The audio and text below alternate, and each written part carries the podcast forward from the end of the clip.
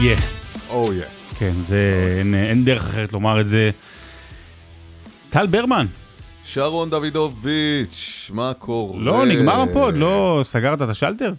אני סגרתי את השלטר, אני כל שבוע אומר לך, שרון, בוא נקליט השבוע פרק, בוא נקליט השבוע פרק. השאלה שלי, שאני באמת רוצה לפתוח איתה, אם אתה אה, לוקח אחריות על מה שקרה פה בחודש וחצי האחרונים. אני רוצה, אני לוקח אחריות, אבל אני רוצה להוסיף שאחריות איננה אשמה. אז זה לא אשמתך? לא אשמתי. לא, האמת שמה שקרה, היינו בחופשת אה, חגים, שלושה שבועות, של הח... ואז כולנו יודעים מה קרה מיד עם תום סוכות. לא, מה זה היינו? היית חופשה בחו"ל, שבועיים. הייתי שבועיים, כן. חופשה, אנחנו מוכנים גם להקליט בחגים, אני לא יודע מה אתה איתך. גם, ראיתי אותך נואף בשדות זרים, כל מיני ענייני ליגה אנגלית שאתה עושה, וכדורסל. אה, זה אה, עבודה, אני לא אה, התנתקתי לגמרי, אבל. אתה התנתקת מאיתנו, מה- מהמאזינים. אני כל יום מקבל מתי אתם מקליטים, מתי אתם מקליטים.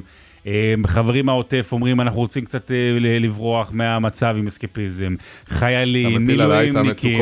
וכל אחד אני אומר, בהתחלה אני אומר, מקליטים, מקליטים, ואז אני אומר, לא, ט- אנחנו כן, קבענו, טוב, לא עכשיו, רגע, אבל טל בחדשות, טל בחדשות. ואז אמרתי, רגע, אנחנו מקליטים בראשון, ואז מה? כן. ואז כן, גם כן, זה, כן. מה? אני אסביר. בוא, אז תסביר. הייתה את החופשה, ואז התחילה המלחמה. התחילה. אני בשבועיים הראשונים, אני מניח כמו כולם, אני לא יכולתי להביא את עצמי לעשות שום דבר, לגמרי. שום דבר מלבד אה, לתפקד תפקוד בסיסי ו... ו... הגיוני. וחיים. ואחרי זה נכנסתי לאיזה אטרף של עבודה, ב... ש... אני חושב ששידרתי ברדיו ובטלוויזיה, מצטבר איזה שש שעות ביום. לא יכולתי לנשום, וכשזה גם נרגע וקצת התיישר, אז נתפס לי הגב. ואז אתה לא התיישרת. וואו, ואני עם זריקות, כמו, רק שאני לא עולה לשחק, אין איזה רוסנובסקי כאילו אתה עולה שישמיש לפוד, אותי. זה כבר כן? טוב. נכון, אבל גם עכשיו, לפני שהתחלנו להקליט, לקחתי איזה כדור אה, מהאופיודים, המשפחה הזאת, אופיאטים, אה, שאמור, זה מאלה שממכרים, כי כאילו, כשמם כן הוא, זה מתחיל באופיום לדעתי. אם תגיד כל מיני דברים לא קשורים בפוד, זהו, אז אז- אז נדע שזה פוד רגיל. נכון. האמת שעד עכשיו לקחתי את הכדור הזה בשבוע האחרון והלכתי לישון, שנת uh, צהריים, כי אני ישן, בגלל השידורים של הלילה והשידורים של הבוקר, אני ישן שלוש וחצי שעות בלילה. אז, uh, אז לקחתי את הכדור והלכתי לישון, פעם ראשונה בעצם שאני לוקח את הכדור וממשיך לתפקד. אז בוא נראה. כי אני לא עומד בכאב כאילו של, ה, של הגב. וזה, קודם כל אני, אני מבין את כאבך, וזו פעם ראשונה שאנחנו מקליטים פרק, וואי, אפילו לא זוכר איזה פרק זה, מספר פרק זה, אבל פעם ראשונה שאנחנו מקליטים פרק, שבו הגב שלך יותר נכון. כאוב משלי. נכון. ובאמת מעניין, ו- ואני גם הגעתי לפה אתה יודע, עם אה, קצת כאבים ואחרי טיפול, אבל אצלי זה סטנדרט. ברגיל. אז אה, איך- איך אומר איתן כבל? אה, אה, אני לא אוהב לדבר על שמחה לאיד, אבל אין כמו שמחה לאיד. זה נכון. טוב.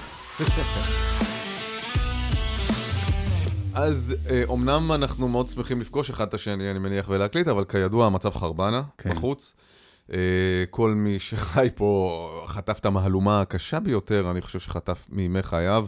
המוות הגיע לכל משפחה במדינת ישראל, בין אם מדרגה ראשונה, שנייה או שלישית. כן. לא חושב שיותר משלישית, אגב. יבדקו את זה פעם סטטיסטית, אה, ברמה של קרבה, אתה יודע, של חבר קרוב, או חבר של חבר קרוב, או... או מכר או... מישהו, מישהו שאני יכול להצביע על? חמישה-שישה. אמ, וזה כמובן אה, הוליד כאן הרבה מאוד אה, אה, זעזוע, ויצא לנו לדבר ברדיו כמה פעמים סביב התגובות בעולם של כן. גופי ספורט וארגוני ספורט. תראה, אני חייב קודם כל להגיד, אה, אנחנו מקליטים את הפוד באמת, אנחנו נדבר בעיקר ספורט, אבל גם על ספורט בתקופה הזו. ו, וספורט, הוא, אנחנו מדברים על זה שוב ושוב, הוא מלך האסקפיזם, זה המקום שלנו לברוח. ולכל אחד בתקופה הזו אה, היה קושי, אה, יום אחד יותר גדול, יום אחד פחות, בגלל זה או בגלל אחר. ואני רוצה לשתף את, אותך ואת המאזינים, איפה היה הקושי הכי גדול שלי. אני יודע שזה נשמע מוזר, אבל אולי קושי זה לא המילה, אבל מחנק. מתי הרגשתי בדיוק מחנק? והוא קשור לספורט. הספורט תמיד היה בשבילי מקום לבריחה. ונגיד, כשהיה את הקורונה ולא היה בהתחלה כלום, אני באמת הרגשתי חודשיים חנוק. זאת אומרת, מהבחינה הזו. אני צפיתי בשידורים של הליגה המולדבית, שהיא ה- המולדובית. לא מולדבית, בלרוסית. בלרוסית, סליחה, שהיא היחידה שעבדה, אני זוכר שיושב מול ערוץ הספורט ונושם אוויר. זה אשכרה ב- סמים, סמים זולים. ואז כשהיה, אבל כשהמשיכה הקורונה והיה בלי קהל והכל, זה באמת באמת היה המקומות היחידים בשבילי אה, להתנתק קצת. ואז אתה מרגיש פה שאתה לא יכול להתנתק. קודם כל שאין ספורט ישראלי, ושהספורט שנורא אהבת, ובמיוחד במיוחד הליגה האנגלית, שאני מאוד מאוד אוהב ואני מאוד מאוד קשור אליה, ואני אומר בגאווה, ועכשיו בצער, אבל בגאווה, במשך המון שנים אתה, אתה נקשר, אתה, אתה מרגיש שאתה מייצג את הליגה הזו. וגם עובד בה. עובד בה, זאת אומרת גם. ואז מה שקרה בשבת שעברה למעשה, אה, כשהליגה האנגלית חזרה, והיה את כל הסוגיה הזו עם השלט של ליברפול, עוד מעט נדבר על, אנחנו טיפה נשים דברים בפרופורציות, אבל הכעס הגדול שהיה. ונגיד באותו יום שידרתי משחק גדול, אתה יודע, ארסנל צ'לסי, משחק שברגיל הייתי מתרגש, מתרגש אליו, וגם בתקופה הזו הייתי, הייתי, ליבי היה יוצא אליו כדי לברוח לאיזה שעתיים. ובאתי למשחק הזה בבאסה. בבאסה, כי אני מרגיש שכולם שונאים את הספורט העולמי, כולם שונאים את הכדורגל העולמי, והכעס הגדול מופנה לליגה האנגלית, ואני יכול להגיד לך, ואני יכול להבין את הכעס של כולם, אבל היו גם כאלה שהפנו כעס כלפיי. זאת אומרת, איך הצגתי בכלל את הליגה הזו, איך אני אחזור, אה, שאני משתף פעולה, באמת דברים נוראיים, וזו הייתה פעם, אני מכור, אתה, מה שאתה מכיר אותי, אני מכור לטוויטר, אה, אבל במיוחד, אפרופו התנתקות, במיוחד לפיד ספורט ולדברים האלה שאתה יכול, וזו הייתה הפעם הראשונה שהתנתקתי לגמרי מזה, הייתי באמת שבוע וחצי כמעט לא נגעתי בטוויטר, אה, כי הרגשתי שאני גם לא יכול לברוח עכשיו. למקומות ש, שהיו עבורי מפלט בעבר. אני מבין אותך לגמרי. אה, מה שקרה עם ה... אני, אגב, אני רוצה לחזור אל הנחת הבסיס שלך, אני לא חושב שספורט זה האסקפיזם המושלם. אני חושב שאתה יודע, לראות סדרה בנטפליקס, זה אסקפיזם. אני ראיתי את העונה החדשה של הסדרה לופין, אם אתה מכיר כן, אותה, כן. סדרה צרפתית על איזה גנב כזה. שבאמצע הפכה להיות מטומטמת של העונה הראשונה, היה כאילו חולקה לשניים, החצי כן. הראשון מדהים, חצי שני פחות. אז עכשיו עלתה עונה שלישית. וואלה. וואלה, נהניתי, זה אסקפיזם, באמת אתה מנקה את הראש, הצלחתי לשים בצד את הזה. ספורט מאז ומתמיד הוא היה קשור בפוליטיקה.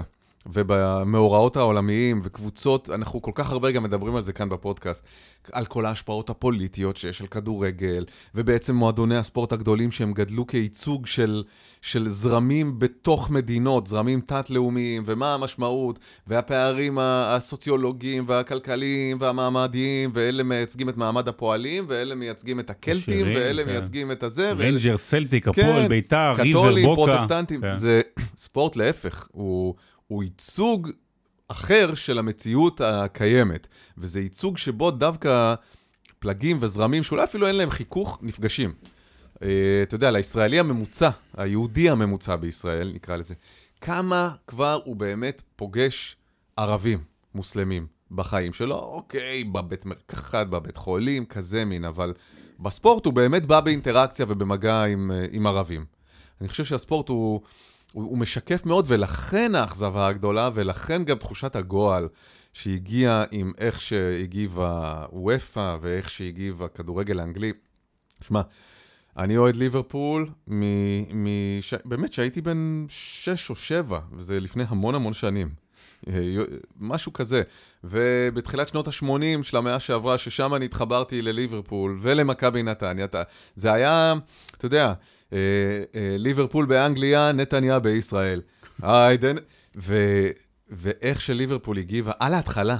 זאת אומרת, נגיד עכשיו, אנשים שמדברים על הסבל בשני הצדדים, או על הסבל של הילדים בגאזה, אני, בגאזה, בעזה, אני, אני עוד יכול לקבל את זה, כי, כי באמת קורים דברים רעים בעזה. זה שאין לנו אחריות לזה... אתה יכול. להבין למה הם כן, אומרים כן, את זה. כן, כן, ברור, ברור. זה לא, זה לא דעתנו, אבל אתה לא, יכול, לא, לה... אגב, אתה יכול רואה... להבין למה הם אומרים בוא, את זה.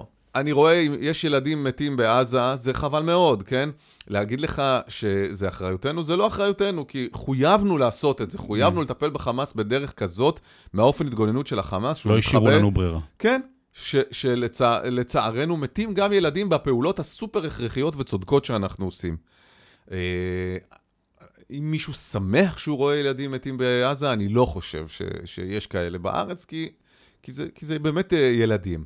להגיד לך שזה אומר שאנחנו צריכים להפסיק חס וחלילה, המטרה פה ללכת עד הסוף, וחשוב שנלך עד הסוף.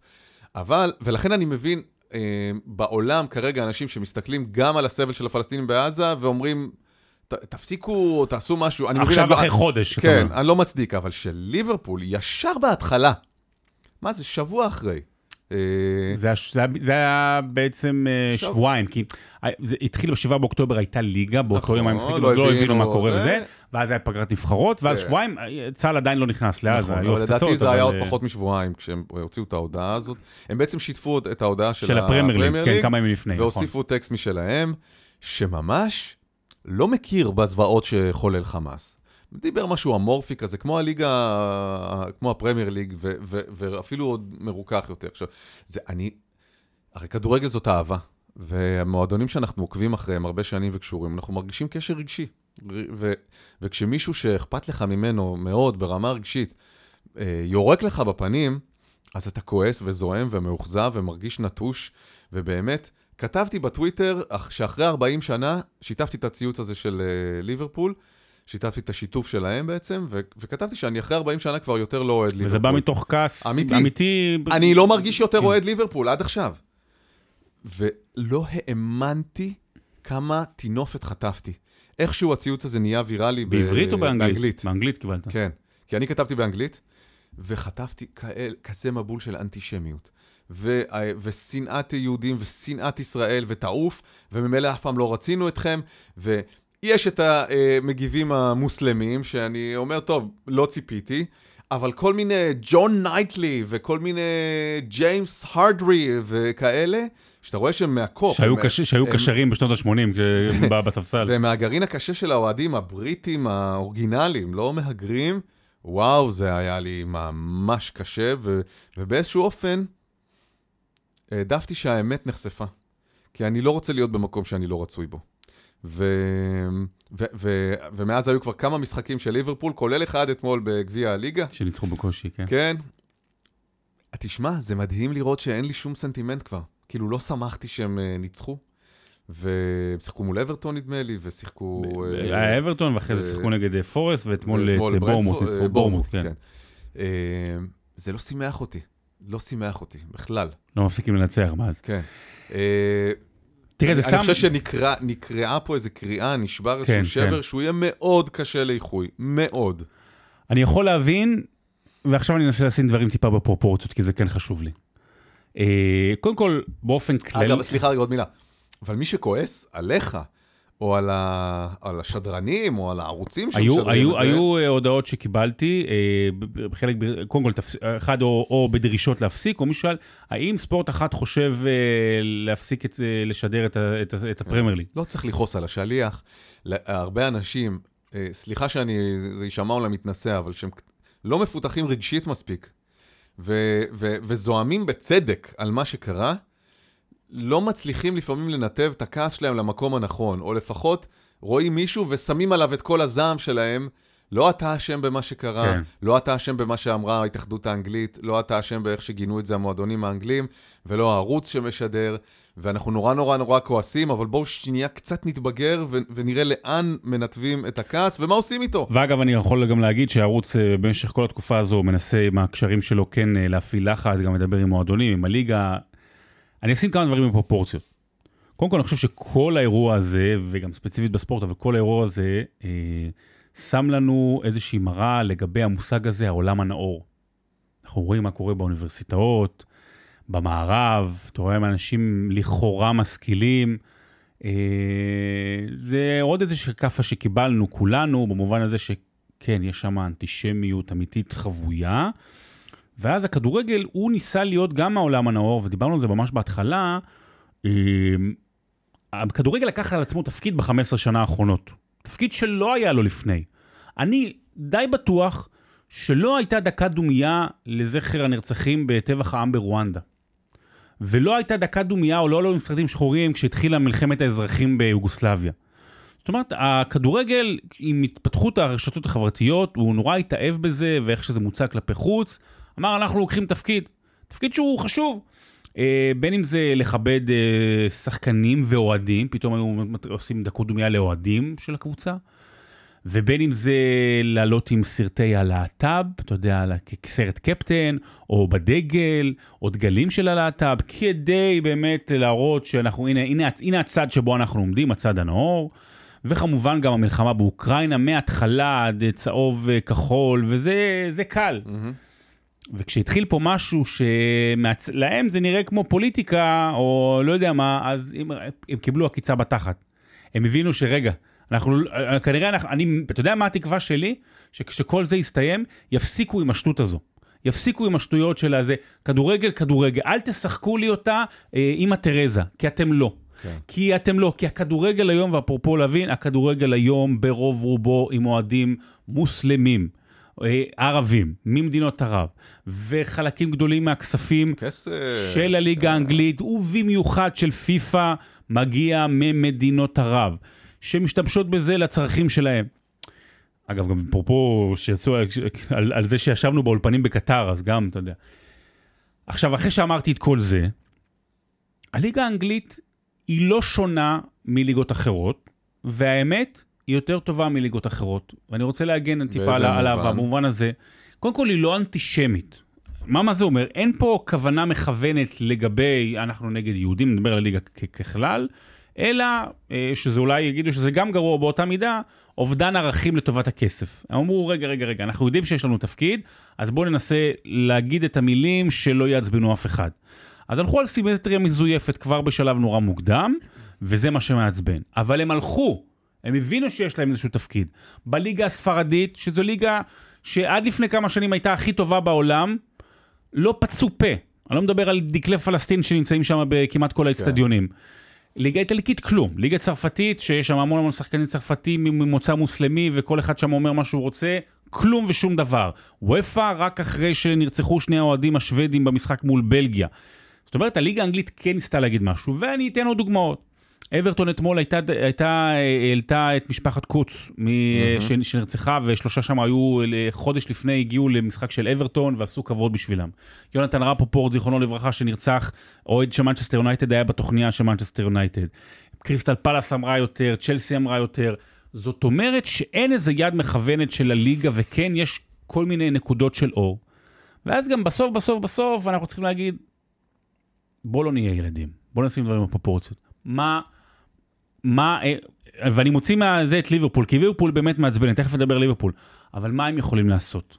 מה הם, הרי גם ברצלונה, שיש לה פה כל כך הרבה אוהדים, ואני שומע חבר'ה שאומרים, רגע, יש, אה, דיברנו עם המנהל ההוא והמנהל ההוא, והם קצת תורמים פה כסף ופה כסף, הם לא פוצים פה. כן. וכולם, תפסיקו לחשוב שאנחנו אה, קטלנים, ותפסיקו לחשוב שהמשפחות שלנו ניצולי אה, הילסברו, אנחנו לא. אנחנו מכבי נתניה, אנחנו מרמורק, אנחנו לא ליברפול, אנחנו לא ברצלונה. אחלה לאהוד, אחלה לאהוב, לא יותר מזה. כן, נכון מאוד. אני גם אה, מסכים איתך, ואני רוצה לחדד ולחבר בין דברים שאמרת. ה, בקצה של הליברליות השמאלנית, הפרוגרסיבית בעולם, הדברים השתגעו והתהפכו. זאת אומרת, דווקא מרצון להכיל איזושהי אה, מורכבות וכולם, ואת כולם, אינקלוסיב וכולי, וווק וכל הדברים האלה, שבמקור הם דברים חיוביים וחשובים, נהייתה איזו השטחה של הנרטיב. ויודעים לדבר רק במושגים של חזק וחלש, שחור ולבן, מעוול וקורבן. ובעצם נהייתה איזה מין, אה, נהיה מין חיבור של אה, אה, השחורים בארצות הברית עם ההומואים והערבים, כן, ומוסלמים, כאילו פלסטינים, ו, וזה איזה טמטום כאילו, ואיזו התאפשות כללית. שלא מבינים בעצם שיש סקאלה של דברים. נכון, אגב, אנחנו לחלוטין קורבן פה בסיפור הזה, אבל בוא נזכור שגם נגיד, אה, אנחנו כן, ביהודה ושומרון לפחות, בשטחים, כן כוח שהוא כובש ומחזיק פלסטינים שם בלי זכויות וכולי וכולי וכולי, נכון, הם מרצחים בנו ואנחנו מגיבים ושומרים על עצמנו, הכל אבל נכון. אבל צריך להבין איך זה נתפס בעולם. אבל הסיטואציה היא מורכבת יותר, אוקיי? עכשיו, הטבח הזה אה, בעוטף עזה, הוא בעצם כאילו טשטש בכלל, גם מבחינתנו, את כל המורכבויות העדינות, ואתה חייב לבחור אם אתה בצד של הטוב או בצד של הרע. וגם לי יש המון ביקורת, נגיד, על מה שקורה בשטחים, אוקיי? אבל אם מגיע הרגע הזה, שאתה עומד מול הזוועה, ואתה אומר, זה לא קשור בכלל. זה לא קשור לשום שאיפות לאומיות או לרצון לחיות בכבוד, זה לחלוטין אכזריות וג'יהאד ו... ורוע טהור ורצון למחוק אותי ואותך ואת כולנו מעל פני האדמה. אין פה מקום בכלל למורכבות הזאת, וזה מתסכל אותנו שהעולם לא רואה את זה שפה מדובר ברוע טהור, ולא באיזה מיעוט מדוכא. אבל הוא לא. כמו שאמר מזכ"ל האו"ם, זה לא קרה בוואקום, ובנקודה הזאת היינו אמורים להשיל מעצמנו את כל הסטריאוטיפים הקודמים של העם הכבוש, והעם שרק רוצה לחיות לצד מדינת ישראל. זה לא זה, זה לא המקרה, זה לא חמאס, זה לא עזה, זה לא קיים, וזה כל כך מתסכל אותנו שהם לא רואים, וכן ממשיכים לדבר במונחים האלה של הסימטריה הזאת, כי זה פשוט לא המצב, זה רוע טהור. ומוחלט ואלים. אבל זה העניין, אתה, אתה, אתה בצדק מצפה, הרי אני מתאכזב מכל העולם. אני מדבר איתך על אנשים משכילים, על פרופסורים, אוניברסיטאות, הרווארד, כל המקומות הכי גדולים בעולם, לא מבינים את המורכבות הזו, לא כן. מסוגלים להכיל. אז למה, למה... אולי בגלל שהספורט הוא כזה רגשי ואפילו ילדותי במובן מסוים, למה אנחנו חושבים ש... אה, שחקן פלוני אלמוני בליברפול או בברנדפורד, אני לא יודע איפה, צריך להבין את המורכבות הזו. נכון. הם אנשי בידור, שכל מטרתם היא בידור. אוקיי, ואני הולך אחורה, לא עכשיו רק כזה 15 שנה אחורה, שהיו צריכים להתעסק בעיקר בבידור ולא להר, לא להרבה דברים כאלה ואחרים. אז בגלל זה אני אומר, אם אלה לא מבינים, האנשים המשכילים כאילו בעולם, בעולם אז בואו נשים קצת בפרופורציות מה שאנחנו מבקשים מהספורטאים שלנו. אתה צודק. והפוליטיקלי קורקט, אז קפצת כריש. כן, בכל כן, העולם. כן, כן, כן, לגמרי, זה הטרלול הפרוגרסיבי. אני רוצה לשאול אותך שאלה אחרת, אנחנו נשארים בנושא הזה, אבל שאלה אחרת, כן. וזה קצת יותר אפילו רגיש. השחקנים הערבים פה. כן. אמ, אני חושב שכולם, אתה יודע, בכלל הנושא של ערבים ישראלים, כש, כש, כשתבוא לשאול אותם, כשתבוא לשאול, אני, אני חייב לספר למאזינים, אגב, הטלפון נמצא במרחק של יריקה מטל ולקח לו באמת, אה, הוא עשה כאילו מטפס שרים כדי להגיע לזה. אה, ליבי איתך, אבל גבי פחות. תודה רבה, אה, תודה.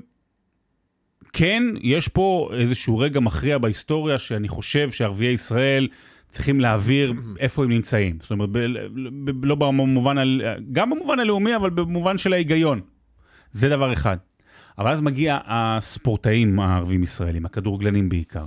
ואז נשאלת השאלה, האם כל אחד צריך ברשת החברתית שלו ישר להבהיר את עמדתו, שבתקווה היא הדעה ההגיונית, והאם הוא עושה את זה בשביל להביע איזה משהו, או כדי להדוף מעליו את הביקורות שיבואו? אני חושב שספורטאים בעידן שלנו, הם שחקנים בציבוריות, לא רק על המגרש. וברגע שקורה משהו כל כך uh, חמור וקשה, זה אמור אפילו, זוועה אנושית כזאת, אמורה לגרום לך להתעלות מעל uh, כל uh, סנטימנט לאומי או לאומני. או פחד? גם, גם.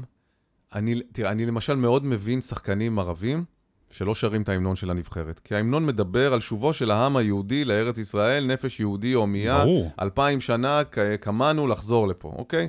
מבין? זה עדיין לא אומר שהוא לא משחק בשביל הנבחרת, בשביל המדינה, ברור.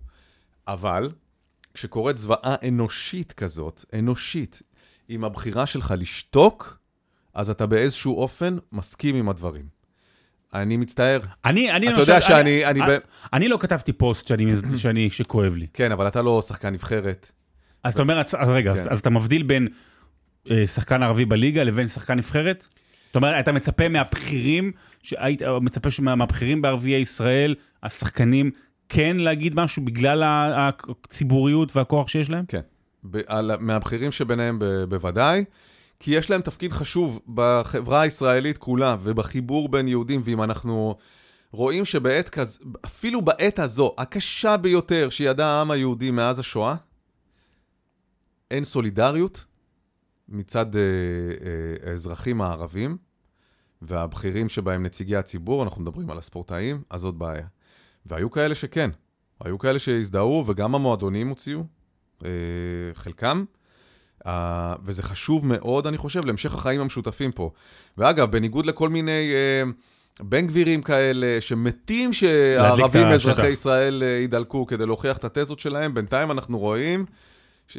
ואנחנו מקליטים את זה ביום חמישי, 2 בנובמבר. שעה 11. שעה 11 ועשרה. כן, בוא נדבר בשתי דקות. בינתיים אנחנו רואים ש... ש... שהחלום של הבן גבירים לא קורה, הוא לא מתממש, ו... והערבים אזרחי ישראל... כן מגלים סולידריות פה, ולא לא מתקיפים מבפנים, כמו שאתה יודע, מנסים להרעיל כל הזמן uh, את ה... כן. את ה אני מאוד מקווה שזה יימשך ככה, כמובן. ולכן אני חושב שלהצהרות כאלה, ולשחקנים כמו אייד אבו עביד, שהולך ומתנדב ועוזר ומזדהה, כן. יש תפקיד מאוד מאוד מאוד חשוב במדינה שתהיה כאן אחרי זה. אני אגיד רק דבר אחד אחרון, אני לא, לא אתייחס לנושא הכללי, אתם בטח מדברים פה ברדיו והכל, אבל באמת זה, זה שעת מבחן אה, להמשך, אני חושב, לערביי ישראל. אבל אה, כן, אתה, אני מסכים עם רוב הדברים שאמרת, ועדיין אנחנו צריכים לשים לב איפה זה הופך להיות חלילה סוג של רדיפה. כי למשל בסוגיית דיה סבא, ומה שהיה, כאילו האשימו אותו בזה שאשתו שיתפה פוסט, שגם הפוסט היה, שוב, אה, עשה סימטריה, שאנחנו כן. מאוד לא אוהבים אותה והיא מאוד לא נכונה, אבל עשה, הוא, הוא לא היה כמו עכשיו ראינו כל מיני שחקניות וזה, ותוכחות חמאס, ו... לא, זה היה ניסיון עם סימטריה, ואז נמחק, ואז התנצלו, ועדיין יש עליו מתקפה. לשם אני מפחד שנגיע. כי זה רגע שבו אנחנו עושים את הרשימות הפשוטות, מי איתנו ומי נגדנו. זה רגע מאוד מאוד פשוט. אני מסכים שעם דיה סבא, אז זאת הייתה קצת הגזמה, אבל זה גם היה ברגע עוד נורא נורא טרי. ושקטן שם אמר שיחזור כן. לשחק בזה, אני נכון, טרי, כעס, צריך להבין. וזה גם אשתו, וזה לא הוא, ובואו, לא, אנחנו לא רוצים לחיות בחברה ש... אה, גברים סותמים לנשותיהם את הפה, ומצד שני, כן, יש לזה משמעות, בוא, אתה יודע, כן. זה, יש לזה משמעות. אה, וגם בעולם, אה, שחקני, שחקנים... מי גינה, מי לא, כן. תראה. קודם כל לברון, לא, אח. לברון אח, וזה מדהים, וכולם שנאו אותו וחשבו שהוא, כן. גם היו לו עניינים קצת אנטישמיים בעבר, ומשהו, נכון. הוא אמר את זה אחרי כמה ימים, הוא אמר באופן מובהק, וזה הספורטאי הכי חזק היום בעולם לדעתי, מבחינת ה... הוא, הוא סוג של מוחמד עלי מודרני, דיברנו עליו, הוא היה פעם יוצא ודברים כאלה, אני חושב שזה קשור גם לנושא שביידן מההתחלה אמר, ואם נגיד זה היה הפוך, לא בטוח שאם טראמפ נגיד היה נותן את החיבוק כמו שביידן נתן, ולברון הוא נורא אנטי טראמפ, לא בטוח שזה היה אותו נכון, דבר, נכון, אבל, נכון, אבל. אבל לא משנה. אה, ה-NBA באופן מובהק, הליגה הגרמנית בטירוף, ממש, אנשים כאילו לא מבינים איך, ואני אגיד לך למה זה קורה. זה קורה א', כי הציבוריות הגרמנית מבינה שהיא לא יכולה להתאפס עם משהו שהוא חלילה, ואפילו על קמצוץ של אולי אנטישמיות, אלא חייבים להראות צעד, זה הציבוריות, וגם יש פה את העניין של uh, סוג המבנה בכדורגל הגרמני. הכדורגל הגרמני, הוא, יש בו חוק שנקרא 50 פלוס 1, mm-hmm. uh, שהוא ברוב הקבוצות גם מיושם, במובן הזה שהשליטה של האוהדים היא 50 אחוז פלוס בן אדם אחד, שתהיה את הרוב. קטר מימנה חלקים uh, בבייר מינכן כפרסומות והכל, וה, והקהל הוציא אותה משם. אמר, אנחנו לא רוצים. Uh, אז, אז זה משם נגד גרמנית. Uh, ואתה יודע מה, ואני אגיד משהו על סאלח, אני אסגור רק את הנושא, אני אעשה מעגל.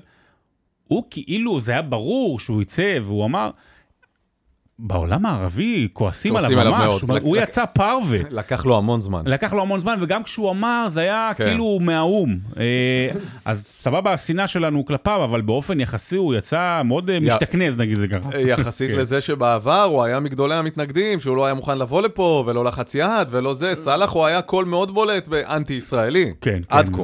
לא צריך את האירועים האלה כדי אה, להוציא אותו. גם שלחת לי הבוקר... על פופוביץ', כן. פופוביץ', כן. זה, זה מאוד מאכזב, אם כי צריך לשים את זה בקונוטציה הנכונה. גרג פופוביץ', מאמן של סן אנטוניו ספרס, אולי גדול המאמנים בכל הזמנים בכדורסל, אוקיי? בן 74 היום, הוא אחד הקולות האמיצים והמדהימים ביותר בשנים האחרונות לנושא של זכויות אדם ונגד טראמפ, ובאמת הוא אמר דברים מדהימים, והוא בכה מול הטלוויזיה, והוא, והוא שתק. במשך שבועות לא שתק, וזה לא שלא שאלו אותו, כן, שאלו אותו, הוא היה, גם כשהיה קורונה ונגד מתנגדים, הוא אומר את הדברים ולא שם פס על אף אחד. ופה הוא שתק. והיום בבוקר, כשאיזה עיתונאי ממדינות ערב שאל, אז הוא נתן סימטריה. עכשיו אני אגיד שהוא כן אמר, אני מזו, הייתי מזועזע מה, מהזוועות של החמאס, אבל, אבל, אבל אני גם מזועזע ממה ש, שצה"ל עושה. אה, אז, אז כמו שאמרת בהתחלה, ש... בנקודת הזמן הזו, אם מישהו מתבטא, אפשר להבין מאיפה זה מגיע, הסימטריה הזו, אבל זה שהוא לא אמר עד עכשיו שום דבר, זה שוב אותו חלק מהעולם הנאור, שמה אמ, שנקרא, את האור הוא רואה בעיניים שלו, ולא בעיניים של המציאות. סיימנו עם פוליטיקה ב- ב- לא, בפרק? עכשיו הגענו לפוליטיקה. טוב, איך, איך, איך, אה, זה היה כאילו הדבר הכי צפוי, אבל יחד עם זאת בלתי ייאמן. פיפ"א מודיעה לפני יומיים שמונדיאל 34 יתקיים בסעודיה, ערב הסעודית, איך שלא תקראו למדינה, שהלכה בקמפיין כל כך כל כך חזק ושפכה מיליארדים כבר. רצתה את 2030 עוד לפני זה. כן. אז ב-2030 נתנו לכל המדינות בעולם לארח, כדי שהדרך ת, אה, תתפנה לסעודים ב-34. נכון? המונדיאל של 2030 הוא מתחיל בדרום אמריקה בכלל? הוא עם ארגנטינה, אורוגוואי, אני חושב שגם צ'ילה, אבל ארגנטינה, אורוגוואי, אה, בגלל העניין שזה 100 שנה למונדיאל, אז הם כאילו נותנות למדינות אחת שזה... שאירחו ש- בהתחלה. שהיו- אה. שהיו בגמר, ואורוגוואי וארגנטינה, וגם אורוגוואי אירחה את 1930, והם עושים בספרד, פורטוגל ומרוקו. עכשיו אני רוצה להגיד משהו. לגבי... זאת אומרת, סליחה, נתנו לחמש-שש מדינות, לאמריקה, אירופה ואפריקה כן. לארח. אז אתה עכשיו נותן למזרח, אז עכשיו לאסיה. תור- תור אסיה, מה? מה-? הייתם קודם. מה אני אעשה? מה אני אעשה? תראה, קודם כל צריך להבין משהו לגבי עניין של אולימפיאדה ומונדיאל של השנים, של העידן הזה לעומת העבר. מדינות נורמליות לא רוצות את זה.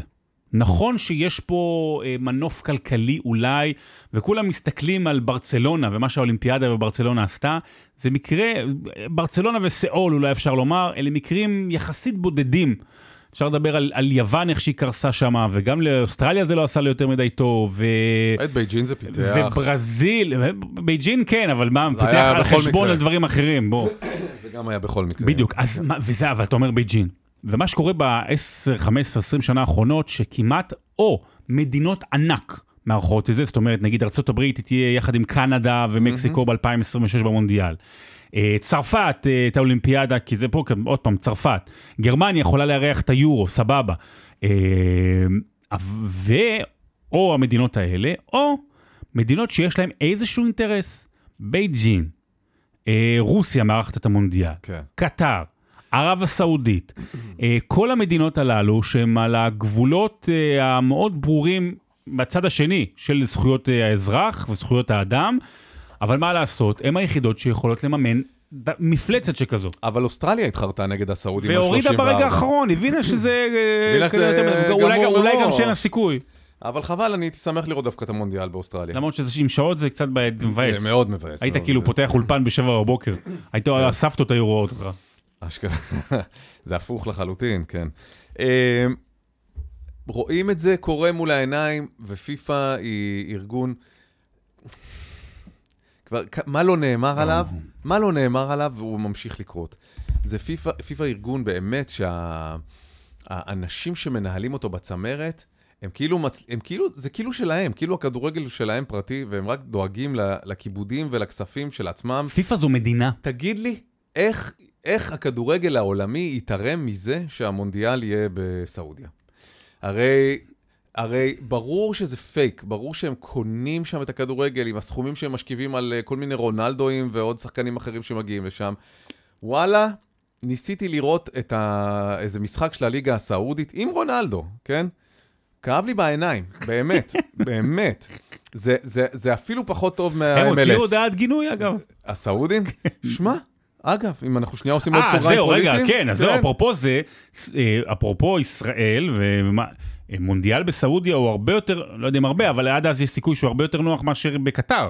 מבחינתנו. הכל, מבחינת כל ההיבטים. מבחינת האסלאם ותמיכה בטרור, סעודיה היום היא נגד אה, הארגונים האלה שטובחים בנו. היינו שנייה לפני נורמליזציה לפני המלחמה. ושנייה לפני נורמליזציה, ובוא, מה שקורה עכשיו, הרי כשהחות'ים האלה התחילו לירות עלינו, זה בגלל אה, ערב הסעודית. הסעודים מיירטים טילים שהם אה, לכיוון ישראל. תחשוב, תחשוב מה זה, זה בלתי נתפס. הסעודים ממערכות ההגנה האווירית שלהם מיירטים טילים שהתימנים יורים לישראל. אם פיפ"א הייתה חכמה, היא הייתה עושה אירוח, כמו שיש אה, מרוקו וספרד, אירוח סעודיה וישראל. נכון, collab כזה. collab, אפילו ירדן, אתה יודע, משהו באמת עם איזה מסר... אה, גרמניה נגד קוסטה ריקה באצטדיון בנתניה. כן, בדיוק, אה, והגמר בווסרמיל. אמ, אז, אז במובן הזה, זה, זה מאכזב לראות איך הכסף הגדול שוב קונה את הכדורגל. כנראה זה בלתי נמנע, כנראה זה בלתי נשלט. אבל זה עדיין מאכזב ברמה רומנטית, כי... ואנחנו נמשיך לראות ול... כן. השאלה מתי, האם זה ייפסק. אה, שאלה טובה, ברגע שהאינטרס שלהם מתהפך, זה לא ייפסק הרי. לא, השאלה אם אנחנו. אה, אם אנחנו, האהבה שלנו למונדיאל. לא, היא לא תיגמר. כאילו קטר? אמרנו, ואז... זה נהיה המונדיאל הכי טוב בהיסטוריה. כאילו, כן, אז... שמע, אנחנו היינו שם, אתה יודע, אני חושב על זה הרבה. היינו המדינה מדינה הזאת... ש- כן, שעכשיו שהיא- ראש אמ... אה, ראש מי? ראש המוסד. אמ"ן, ראש המוסד, נסע לקטר לפגישה חשאית, מה פגישה חשאית? שם שבוע- מה, היית שם חודש וחצי, אני יודע, בוא, אני. יכול- אני יכול ללוות אותו שם איפה שהוא כן, רוצה. אני אתן לך המלצות למסעדות. האמת, רק לא לטורקית, יש יש לי שם שם בחילה. קניוני ענק, אני יודע בדיוק איפה יש ספורה בכל אחד מהקניונים. זה מפחיד לחשוב בדיעבד שהיינו במקום הזה. עכשיו, ברור, כאילו, המזוודות של הכסף הקטרי, הכל היה ידוע מראש, והם גם עשו הצגה נורא יפה לעולם. ב... אתה יודע, הם פתחו סוגריים והפסיקו להיות קטר בתקופה הזאת של המונדיאל. כן, כאילו. אה, אבל אה, זה כן, זה קצת אה, מחריד אותי לחשוב שהייתי במקום הזה, שיכול להיות שבמקביל ממש היו שם כל מיני אסמאעיל הנייה ותכננו, אתה יודע, את המבצע הזה במלונות יוקרה שהם שוהים בהם. שמעתי רחש. בחדר ליד, אגב, קצת. היה רחש שם כשהייתי הייתי הרבה אנחנו ב- היינו במלון. מלון דירות שהתאגיד אה, שילם, אה, אני- שהתקמצן. אני לא לא. התאכסן שם, לא לא נראה לי. לא, הנייה זה four seasons ומעלה, זה לא איפה שאנחנו היינו, שיש לך אה, פאפה ג'ונס פיצה למטה. עד לערב הסעודית אה, תגדל שפם. כן. אז, אה, אז רגע, בוא נעשה סדר במונדיאלים שיש שים לפנינו. לב, שים לב, שים לב. עזוב, גם יורו. כן. אוקיי, כזה. יורו הקרוב הולך להיות גם הכי כיפי, וגם אה, גם אחרי הרבה שנים שהיה כאילו קורונה ורוסיה וזה וכזה. יורו בגרמניה, אתה יודע, זה נקי, זה, זה כאילו כמו פעם, טורניר גדול כמו פעם, ובעזרת השם גם ישראל תהיה שם, אז יורו גרמניה. מונדיאל 26 יהיה בארצות הברית, קנדה ומקסיקו, הגמר יהיה בארצות הברית. ב-2028 זה למעשה בבריטניה, היורו בבריטניה ואירלנד, זה כנראה ההצעה היחידה, כאילו בריטניה ואירלנד יערכו. ב-2030 זה יהיה ככה, אז אמרנו ארגנטינה, אורוגוואי, מרוקו, ספרד ופורטוגל, זה לציון 100 שנה למונדיאל. ו-2032 עוד לא יודעים. אגב, 2034 זה כאילו עוד לא רשמי, אבל בגלל שנשארה ההצעה היחידה, אז יהיה ערב הסעודית. כן. ועוד אה, נקודה חשובה בהקשר הזה של הטורנירים הבינלאומיים, יש אולימפיאדה בפריז בקיץ הבא. הייתה לי שיחה ארוכה עם אה, יעל ארד, יושבת ראש הוועד האולימפי הישראלי, ועכשיו גם חברת הוועד האולימפי הבינלאומי, הישראלית השנייה בעצם בתפקיד הזה, גלעדי. אחרי אלכס גלעדי. היא אמרה שיש להם בעיה מאוד מאוד גדולה. הרי הספורטאים הישראלים עכשיו לא יכולים לצאת לתחרויות בכל העולם, תחרויות שהן תחרויות קריטריון. ובעצם זה... למה לא יכולים לצאת בגלל אבטחה? אבטחה.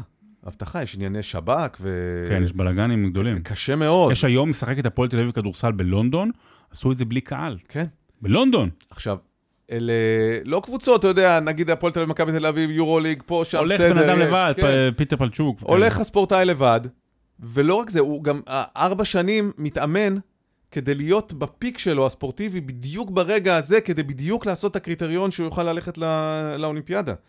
ו, ו, ובעצם זאת אמורה הייתה להיות המשלחת הגדולה ביותר, כן. עם uh, תקווה למשהו כמו ש- ישראל. שבע, שמונה מדליות שכאילו ריאלי לחזור איתן. ריאלי. זה יכול להיפגע. יכול מאוד להיפגע, כי הם uh, עכשיו מנסים למצוא את כל הדרכים היצירתיות לאפשר לספורטאים כן להתחרות.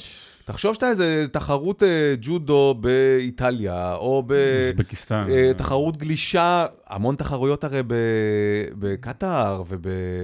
ובדובאי, נכון, נכון. הרי מארחים המון המון תחרויות כאלה שישראלים לא יכולים לנסוע לשם עכשיו, זה זה פחד אלוהים. אז אתה יכול להיתקע עם המון ספורטאים שממש ההכנה שלהם לאולימפיאדה בוא תיפגע. נעשה שנה הבאה מתחרה, לא ניסע לאולימפיאדה, נעשה מכבייה. אבל מתחרה, אבל, אבל, אבל כמו פעם, אתה יודע, עכשיו שכולנו מאוחדים. ו- אמרת מכבייה ולא ידעת איך זה יחזור אליך בהמשך הפרק. או, כן. זה הפתיחה, לא? לא, זה הפתיחה, כן, לחצתי על הכפתור הלא הפתיחה, לא נכון, בסדר. אני חותך, אה, אני, אני, למרות הליינאפ שלנו, אני חותך את נושא זהבי, אוקיי? אוקיי. אני חותך, אנחנו, יש לנו שבוע הבא, אני, אני מכריח אותך לעשות פרק גם שבוע הבא, ואז לקראת הנבחרת, נדבר על זה, גם על זה אם- אם והכל. הגב יאפשר. בוא נדבר על מה, עכשיו אחר כך יהיה הרגל. בוא נדבר על משהו קצת יותר מלבב, וזה כן. אה, הסדרה על דיוויד בקאם, אה, יצא לך לראות? בטח. הכל? ראיתי כשהיא יצאה מיד. איך היה לך דיוויד בקאם בעבר? זאת אומרת, עזוב, כ- כאילו כ- כאוהד מהצד בתקופה ההיא, איך היית רואה עוד לפני הסדרה? אני מאוד אהבתי אותו. תמיד. וכן, כאילו, היה לו את הדבר הזה שהוא כאילו דוגמן קצת, אה, אבל אה, הוא עשה שירות גדול מאוד לכדורגל. אני אהבתי אותו, אני מודה שאהבתי אותו, כעסתי עליו כשכעסו עליו, שנאתי אותו כששנאו אותו, וחזרתי לאהוב אותו בסוף, ו- ואפילו כשהוא הבליח בסוף בפריס סן ג'רמן ב-2013-2014 כזה, נכון. נורא התפללתי שהוא ייתן עוד כמה הופעות, זה באמת הייתה קדנציה כבר ממש בסוף של אחרונה, הסוף. כן, כן, לא, 2013. לא היה שם כלום כמעט, אבל, אה, אבל נורא נורא רציתי לראות עוד קצת ממנו, כי הוא מסוג הקוסמים האלה, השחקנים האלה שהם, שהם קסם על המגרש. ועוד לפני הסדרה, אה, אתה יודע, אנחנו היינו מבוגרים כבר כש, כשהוא פרח. אה, הוא, הוא, הוא מישהו שכן, ש, שהלכנו איתו דרך, והוא הוציא מאיתנו את כל הרגשות ה- האפשריים, כי הוא נראה כזה תמיד, היה מישהו שבנים רוצים להיות חברים שלו, ובנות רוצות להיות איתו. כאילו, מן הגבר המושלם. או בנים רוצים להיות כמוהו. כן. תראה, עוד לפני הסדרה, אני מדבר על השנים האחרונות דווקא, דווקא על השנים האחרונות, אני הרגשתי תמיד שאני נלחם כדי לעצב בתודעה דיוויד בקאם שאנשים זוכרים אחרת. זאת אומרת, אה, בגלל שכולם מסתכלים על החשיפה שלו מסביב, וכל הדברים שהיו, ו- וכמות הכותרות שהוא קיבל, קראו לו, או חלק אה, עדיין קורא לו overrated. חיים ברם נתן את אחד המשפטים הזכורים עליו, אה, עוד בזמנו, השחקן הבינוני הטוב בעולם. זה נורא נחמד אה, וזה, אבל... זה אבל שנון, אבל לא אבל- נכון. נכון, זה שנוע, אבל זה לא נכון. ומה שאנשים לא מבינים, זה שדייוויד בקאם הוא underrated. שמה שקרה מסביב רק הפריע לו, והפריע לנו להבין עד כמה הוא גדול. עד כמה הוא באמת היה שחקן מצוין. ואני שמח מאוד על הסדרה הזו, כי היא מזכירה בין היתר הרבה את זה. קודם כל היא מזכירה את המהפכה שחולל דיוויד בקאם בעולם הכדורגל ועולם הספורט כמו שלא הייתה. היו כוכבים לפני זה, היו שחקנים שהיו להם פרסומות והכל טוב ויפה, ו- וכמובן מייקל ג'ורדן, אתה יודע, שהיה אה, מותג כלל עולמי, אבל דיוויד בקאם היה הראשון שהצליח להגיע לכלל העולם דרך הכדורגל והפך למותג הכדורגל הכי גדול בעולם בתחילת שנות האלפיים, והוא היה יותר גדול מכדורגל. אחד הדברים הכי מדהימים שראיתי בסדרה, שהוא נמצא על השטיח האדום, מצטלם עם ביונסה וג'ניפר לופז כן. לפפסי. עכשיו, זה שתי אמריקאיות. הם, נכון. לא, הם, בטח- הם לא יודעות מי זה כדור, לא יודעות כנראה מה זה כדורגל, וגם רוב האנשים שהגיעו לשם לא יודעים מה זה כדורגל, אבל הם יודעים מי זה דיוויד בקאם. אז קודם כל, במובן הזה, מה שהוא חולל, ומה שאנחנו רואים היום, זה הרבה בזכותו. ודבר שני, להתמודד עם כל זה. זאת אומרת, הוא כן אהב את זה, הוא כן אהב את הצהובונים, אבל להתמודד עם כמות, זה, זה הייתה פפר, זה, היו- אלה היו פפרצי ברמה של הנסיכה דיאנה. ועוד בתקופה שזה היה מאוד מאוד אלים. ולהתמודד עם זה, ולהישאר עדיין בפוקוס, ולהישאר עדיין שחקן טוב, זה מדהים. ואני חושב שהסיפור שלו, של 98, ו- ואיך שנאו אותו אחרי הכרטיס האדום, וההצגה, אגב, של סימאונה, סימאונה הזבל. אני באמת לא אוהב אותו עד היום בגלל זה. אה, ועזוב שזה גם לא, אתה יודע, זה, זה כזה שטותי, כאילו בגלל ששחקן הורחק בדקה 46, והם היו עדיין ושמרו על 2-2, ואז הם הפסידו בפנדלים, הוא לא האשם הבלעדי. אבל הוא השחקן היה. ואתה, כגודל הציפיות, כך גודל האכזבה. ו- כגודל הפרסום, ככה רצו להיכ- להיכנס בו. כן. אנחנו אוהבים להפיל את, השחק... את האנשים החזקים. בסדר, מישהו עובד ב high profile, גם הכישלונות שלו הוא ב high profile. ודיברנו על זה גם ברדיו, אני אחזור על עצמי. לא היה כוכב כזה גדול מאז בקאם, אפילו לא רונלדו. מסי במובן מסוים הוא אנטי כוכב, כי הוא צנוע, מופנם כזה, הוא לא... הוא שחקן אולי הכי גדול, אבל... וכוכב כמובן ענק, אבל הוא, הוא אנטי זוהר, אוקיי? הוא לא זוהר. רונלדו זוהר, רונלדו הוא כוכב זוהר. אבל הוא זוהר הוא סביב זו- הכדורגל. הוא זוהר רק במגרש. בדיוק. ודייוויד בקאם הוא היה כוכב תרבותי חוצה מגזרים וחוצה אה, לאומים וחוצה מדינות, באמת הכירו בארצות הברית, כמו שאתה אומר. דיוויד בקאם היה ממחוללי המהפכה התרבותית באנגליה, בבריטניה. זאת אומרת, בריטניה של שנות ה-80, 70, הייתה בריטניה אפרורית. שיכורים עם, עם שיניים עקומות, מרגרט תאצ'ר אשת הברזל, ואז הוא הגיע, והספייס גירלס, ואואזיס, ויו גרנט, ו- והנסיכה דיאנה והכל, והוא היה חלק ממהפכת ה cool Britain, אה, cool Britannia, סליחה. ואתה לא מוצא הרבה, הרבה ספורטאים בכלל שמשנים מדינות, זאת אומרת שהם חלק משינוי אה, של מדינה שלמה. וזה הכל התחבר אפילו למנצ'סטר. במנצ'סטר, תחילת שנות ה-90, הייתה, זאת אומרת, היה את הגראנג' ברוק האמריקאי מסיאטל, והיה את הרוק האינדי, שהוא היה הז'אנר השליט גם באנגליה וגם בעולם מבחינת אה, מוזיקה, והוא היה הרוק של מנצ'סטר. אה, אם זה אואזיס והפי מנדייז נכון. ומיליון דוגמאות אחרות. מיליון דוגמאות אחרות. היה ממש ז'אנר כזה של מנצ'סטר.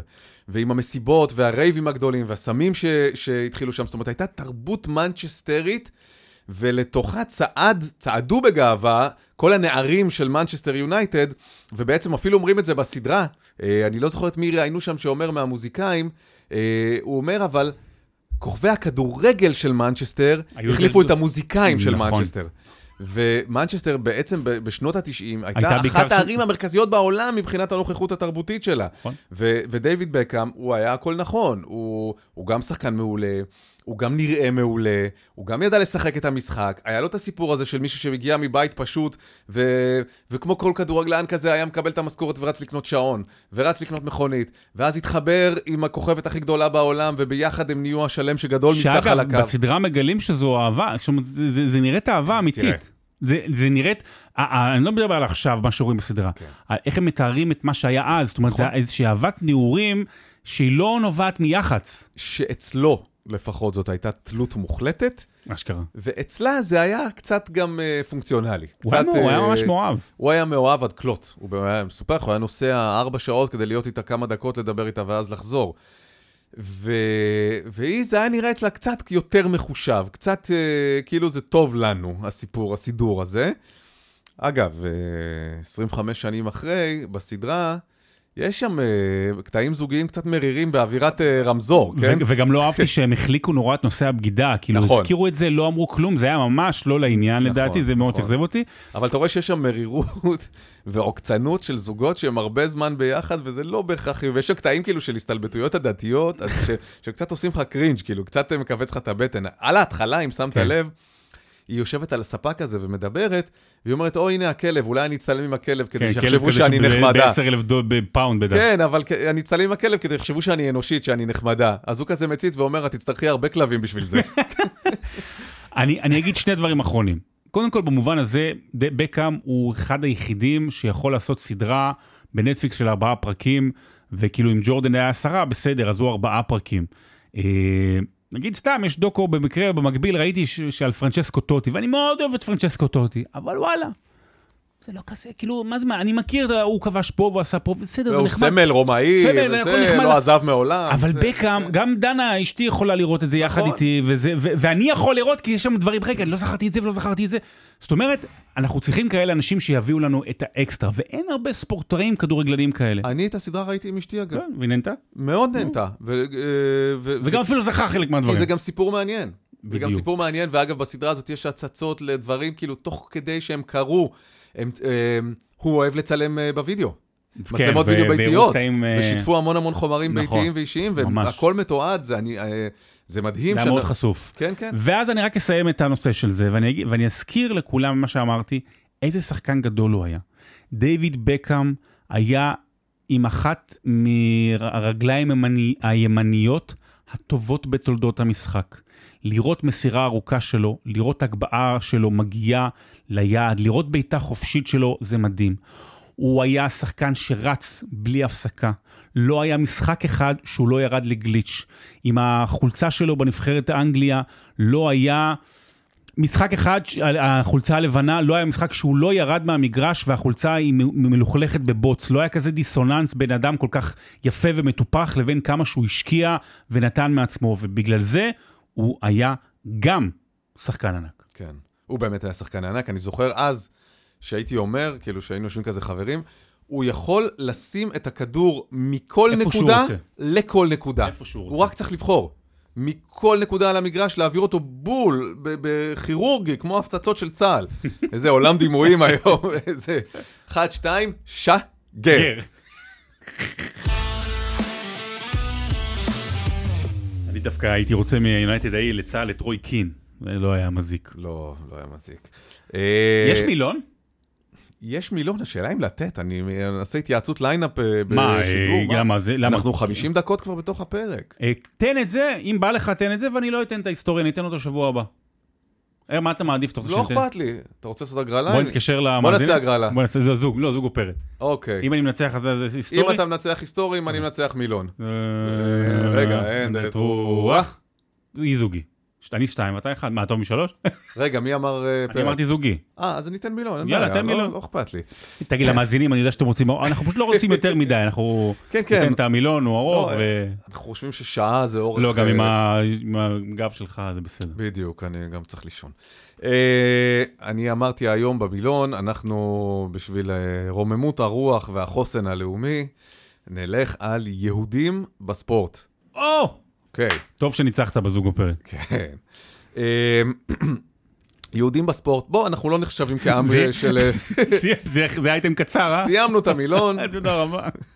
אורן סמנג'ה וזהו. אה, ספורט, ספורט הרי התחיל בעת העתיקה, במשחקים האולימפיים של יוון העתיקה. אגב, הופתעתי לגלות כמה זמן אה, נמשכו המשחקים בעת העתיקה. שנה, משהו כזה. לא, 400 שנה. אה, זה מספר מטורף. אה, אומרת, כמה, אה, כמה הם כן, נמשכו, כן, כאילו... כן, האולימפ- אה, אה, האולימפיאדות כן, בעת העתיקה בעצם התחילו במשהו כמו 700 לפני הספירה, והסתיימו ב-300 לפני הספירה. וגם היה שם ספורט וושינג. כן. טונה רצתה בשביל להעלים את כל הזוועות שהם הכסף עושים. האתונאי. כן. אמ. אני לא, לא ידעתי שזה נמשך על. פני 400, ו- והעניין הוא שכמו אז, בעת העתיקה, זה אמ, זוהה גם עם פולחן דתי. מהמם. ובעצם ענפי הספורט היו חלק מפולחן של זהוס. ולכן יהודים פחות התחברו ל- לקונספט. מה גם, וזה כאילו אני אגיד בצחוק, אבל זה לא, זה לא, זה גם אמיתי, המשחקים היו בעירום. באולימפיאדות Mhm. בעת העתיקה, מעבר לזה שזה היה פולחן דתי, הספורט אה, התקיים בעירום. עכשיו, מה יש ליהודים בעירום? כלום. נכון, ופחות מללא יהודים. אז למה... כן? אני לא מדבר על גודל, אני מדבר על העורלה. כן, כן, אני אומר, בסדר. ולאורך השנים, גם. שחלפו אחר כך, אה, יהודים, ברגע שרואים יהודי והוא ערום, מזהים אותו כיהודי. וזה בעיה. זה אוקיי. מאוד בעיה, ובוא נגיד, זה חתיכת אה, טלר, חתיכת. הדבר זה הזה. בדיוק חתיכת, זה בדיוק חתיכתך שהיא טלר. כן. ולגן, ולכן באמת בעת העתיקה, ו- ומשם והלאה, הרבה מאוד בגלל הסיפור הזה של ברית המילה והזיהוי שלך כיהודי, יהודים העדיפו לא להתחרות כל עוד זה בלי בגדים. או או כשיש טייץ צמוד, כן. אתה יודע, בכל ההיאבקות יוונית רומית. אבל היו, היו ספורטאים, אה, במיוחד אה, מתחילת המאה ה-18-19, היו ספורט שהיהודים התחילו לקבל את הזכויות שלהם במדינות אירופה, אה, וטיפה התחיל תהליך של חילון. כי עד אז, אתה יודע, כל העולם היה דתי, גם היהודים היו דתיים. אמנציפציה. כן, לאט לאט שהתחילו בכל מיני מקומות, היה את הצ'רטר, היה את המגנה קרתא, היה כאילו את ה... אה, לאט לאט התחיל במאות האחרונות יותר ויותר יהודים נדחפו אל הספורט. אתן לך כמה דוגמאות. אה, היה מתאגרף אנגלי ממוצא ספרדי שקראו לו דניאל מנדוזה. הוא מגדולי המתאגרפים של תקופתו, היה אלוף אנגליה באגרוף ב-1792 עד 1795. הוא נחשב אפילו לאבי האגרוף המדעי. כלומר, כל הטכניקות של האגרוף וזה, זה דניאל מנדוזה. יפה שיהודי בדיוק הביא את המדע ל... כן. הוא היה יהודי, הוא גם זה, אה, הוא שכלל את הספורט של האגרוף, הוא הכניס את השימוש בכפפות אגרוף, עד אז פשוט היו מתאבקים... ברור. שיהודי יהיה הראשון שרגע כן. כואב לי, אה, רגע, למה, שנייה, למה? לא על הפנים, על פרצוף יפה, תראה איזה אף נשרי יש לי, לא חבל עליו? אף יהודי, אתה לא רוצה לשבור אותו. אה, היה בארצות הברית אה, אתלט עם השם המאוד יהודי, לון מיירס. אה, הוא זכה ב-28 תוארי אליפות ארצות הברית, ו-11 שיאי עולם הוא החזיק בריצות שונות, תראה איזה טווח, מ-50 יארד, שזה ממש ספרינט, זה כמו 40 מטר בערך נגיד, משהו כזה, עד מייל. אה, על כל הטווח הזה, מספרינטים קצרים, היה לו 20, קילומטר ו- 1,500 בערך. לא? 28 פעמים אה, מייל, זה 1,600 נדמה לי. אה, 28 זה, 11 שיאי עולם, הוא חי גם אה, בסוף המאה ה-19. לואיס רובינשטיין, גם שם יהודי. אה, המנצח, היה מנצח כפול, אתה אומר. אה, הוא מחליק אה, על הקרח, קנדי. הוא אבי ההחלקה על הקרח בקנדה. כן, כן, האבות המייסדים היו יהודים, בחלקם גם הוא. סוף המאה ה-19, תחילת המאה ה-20. ואפילו היה שחקן בייסבול מקצועני אמריקאי ששיחק בסוף המאה ה-19, אחד מכוכבי הבייסבול הגדולים, הראשונים בארצות הברית, ליפ פייק קראו לו. שחקן בייסבול. עכשיו, שזה לא ספורט, אבל לא חשוב. נכון. אה, איפה הייתה נקודת המפנה בכל ההתייחסות של העם היהודי אה, לספורט? אה, לפני שנה במונדיאליטו, לפני כמה חודשים. בדיוק, ענן חלילה. אה, ככל שהתחילה התעוררות לאומית, שהתחילה הציונות בקרב העם היהודי, שמדובר על הסוף המאה ה-19, חיפשו כל מיני אתוסים להפוך את uh, העם היהודי המדוכא והמופלא לעם ככל העמים. והיהודים חיפשו את דרכם אל הפעילות הגופנית התחרותית, uh, וברגע שזה הפסיק להיות מזוהה עם האלים היווניים או איזשהו פולחן דתי, נעלם גם המחסום הדתי שבעצם חסם את היהודים בבואם לקחת חלק בפעילות הספורטיבית. ואז ב-1898, בקונגרס הציוני השני בבאזל, מקס נורדו קרא ליצירתה של יהדות חזקה. שבוחרת בחיסון של הגוף במקום בהמתתו. יהדות השרירים. אתה כל הזמן עושה לי ספוילרים. אה, צדקתי. ואז נולד הרעיון של יהדות השרירים, שטבע אותו מקס נורדו בעצם. סגור לי את המיקרופון. אמ, ובעצם ברגע שמקס נורדו התחיל להטיף ליהדות השרירים, התחילה גם התארגנות ספורטיבית יהודית. זאת אומרת, קיבלו השראה מזה, ובמסגרת ההתרוממות של הרעיונות הציוניים, התחילו לקום גם אגודות ספורט יהודיות. למשל, מועדון הספורט היהודי הראשון הוקם אה, בקונסטנטינופול, באיסטנבול. קבוצה של צעירים יהודים שרצתה להירשם למועדון ספורט אה, רגיל בעיר, סורבה בגלל שהם היו יהודים. אז הקימו את מכבי קונסטנטינופול. בעקבות זה הקימו עוד מועדונים. מעניין אם, אה, מי היה הספונסר שלהם, אם אה, דוק, דוקטור סרקן היה... אה, ואז התחילו לקום בערים נוספות ברחבי אירופה מועדונים יהודיים, כמו, והם נשאו שמות אה, עם... ששיקפו את הכמיהה היהודית לעוצמה ויהדות השרירים. הכוח, בר כוכבא, הגיבור. הגיבור. ועוד ועוד. יום ההתעמלות היהודי הראשון. זה יום הספורט בבית ספר בעצם. נערך בבאזל גם, ב-1903. אה, ובעצם כשהתחילה המאה ה-20, זה הרעיון הזה של יהדות השרירים פשע מאוד מהר, הלך ונהיה נפוץ. ואז הגיעו לפילאטיס. אה, עד תחילת המאה, עד תחילת מלחמת העולם הראשונה, 1914, התקיימה פעילות ספורטיבית ביותר מ-100 מועדוני ספורט יהודים ברחבי אירופה, כמו כל מיני דוגמאות, אה, בר כוכבא ברלין, הכוח וינה, מועדון ששרד... שעכשיו אה, כן. הקימו אותו מחדש נראה לי, פה בארץ. הגיבור פראג, בר כוכבא ברטיסלבה, מכבי ורשה, מכבי קרקוב, מכבי אבל? אחר כך גם הייתה מכבי קהיר, תחשוב, בארץ וואו. מוסלמית אה, אה, ערבית. אה, היה גם אה, שמשון, כל השמות האלה שהם כאילו של המועדונים, ה, אתה יודע, הכוח, מאפנים שלא שרדו, הם בעצם נולדו, גדולה. יש משמעות בדיוק מאוד מאוד מאוד גדולה, ובעצם אלה מועדונים שהם החלו את התהליך של התקומה של העם היהודי. אה, זה שזור בתחילתה של הציונות, וזה חלק אם הציונות היא רעיון, אז מועדוני הספורט האלה נתנו לו תוקף גשמי במציאות. אמ, ב-1919 בצ'כיה כבר הייתה תחרות עם 650 ספורטאים יהודים מ-27 מדינות שונות, ואז שנתיים אחרי זה כבר הקימו את ארגון מכבי העולמי, שארגן את כל ה... זה. אחר כך, אה, בעשרות השנים שאחר כך, היו עשרות שחקנים יהודים שייצגו את המדינות שלהם, וזכו במדליות, והיו אלופים. באמת, יש רשימה מאוד מאוד אה, מפוארת, שיאי עולם, מדליות זהב באולימפיאדות, אבל הם לקחו חלק, כאמור, כנציגים של המדינות שבהם הם חיו, וההישגים האלה נרשמו לזכות אותן מדינות.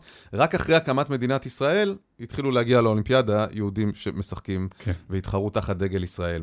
בתקופה של אה, מלחמת העולם השנייה, תקופת הנאציזם, אה, ספורטאים ממוצא יהודי הורחקו משורות הנבחרות שלהם, לא רק בגרמניה הנאצית, בכל רחבי אירופה, לא הרשו ליהודים, אפילו במקומות שלא היה כיבוש גרמני, לייצג את uh, המדינות האלה. יש את הסיפור, אני לא יודע אם אתה מדבר עליו, אבל מפורסם ב-36, שבריצת השליחים של ג'סי אורנס, שזה היה מדליית הזהב הרביעית שלו, למעשה הגרמנים דרשו מהאמריקאים והאמריקאים הסכימו, שני רצים יהודים אה, שהיו בחלק מהנבחרת, הם יצאו משם, כן. הוציאו אותם בגלל זה.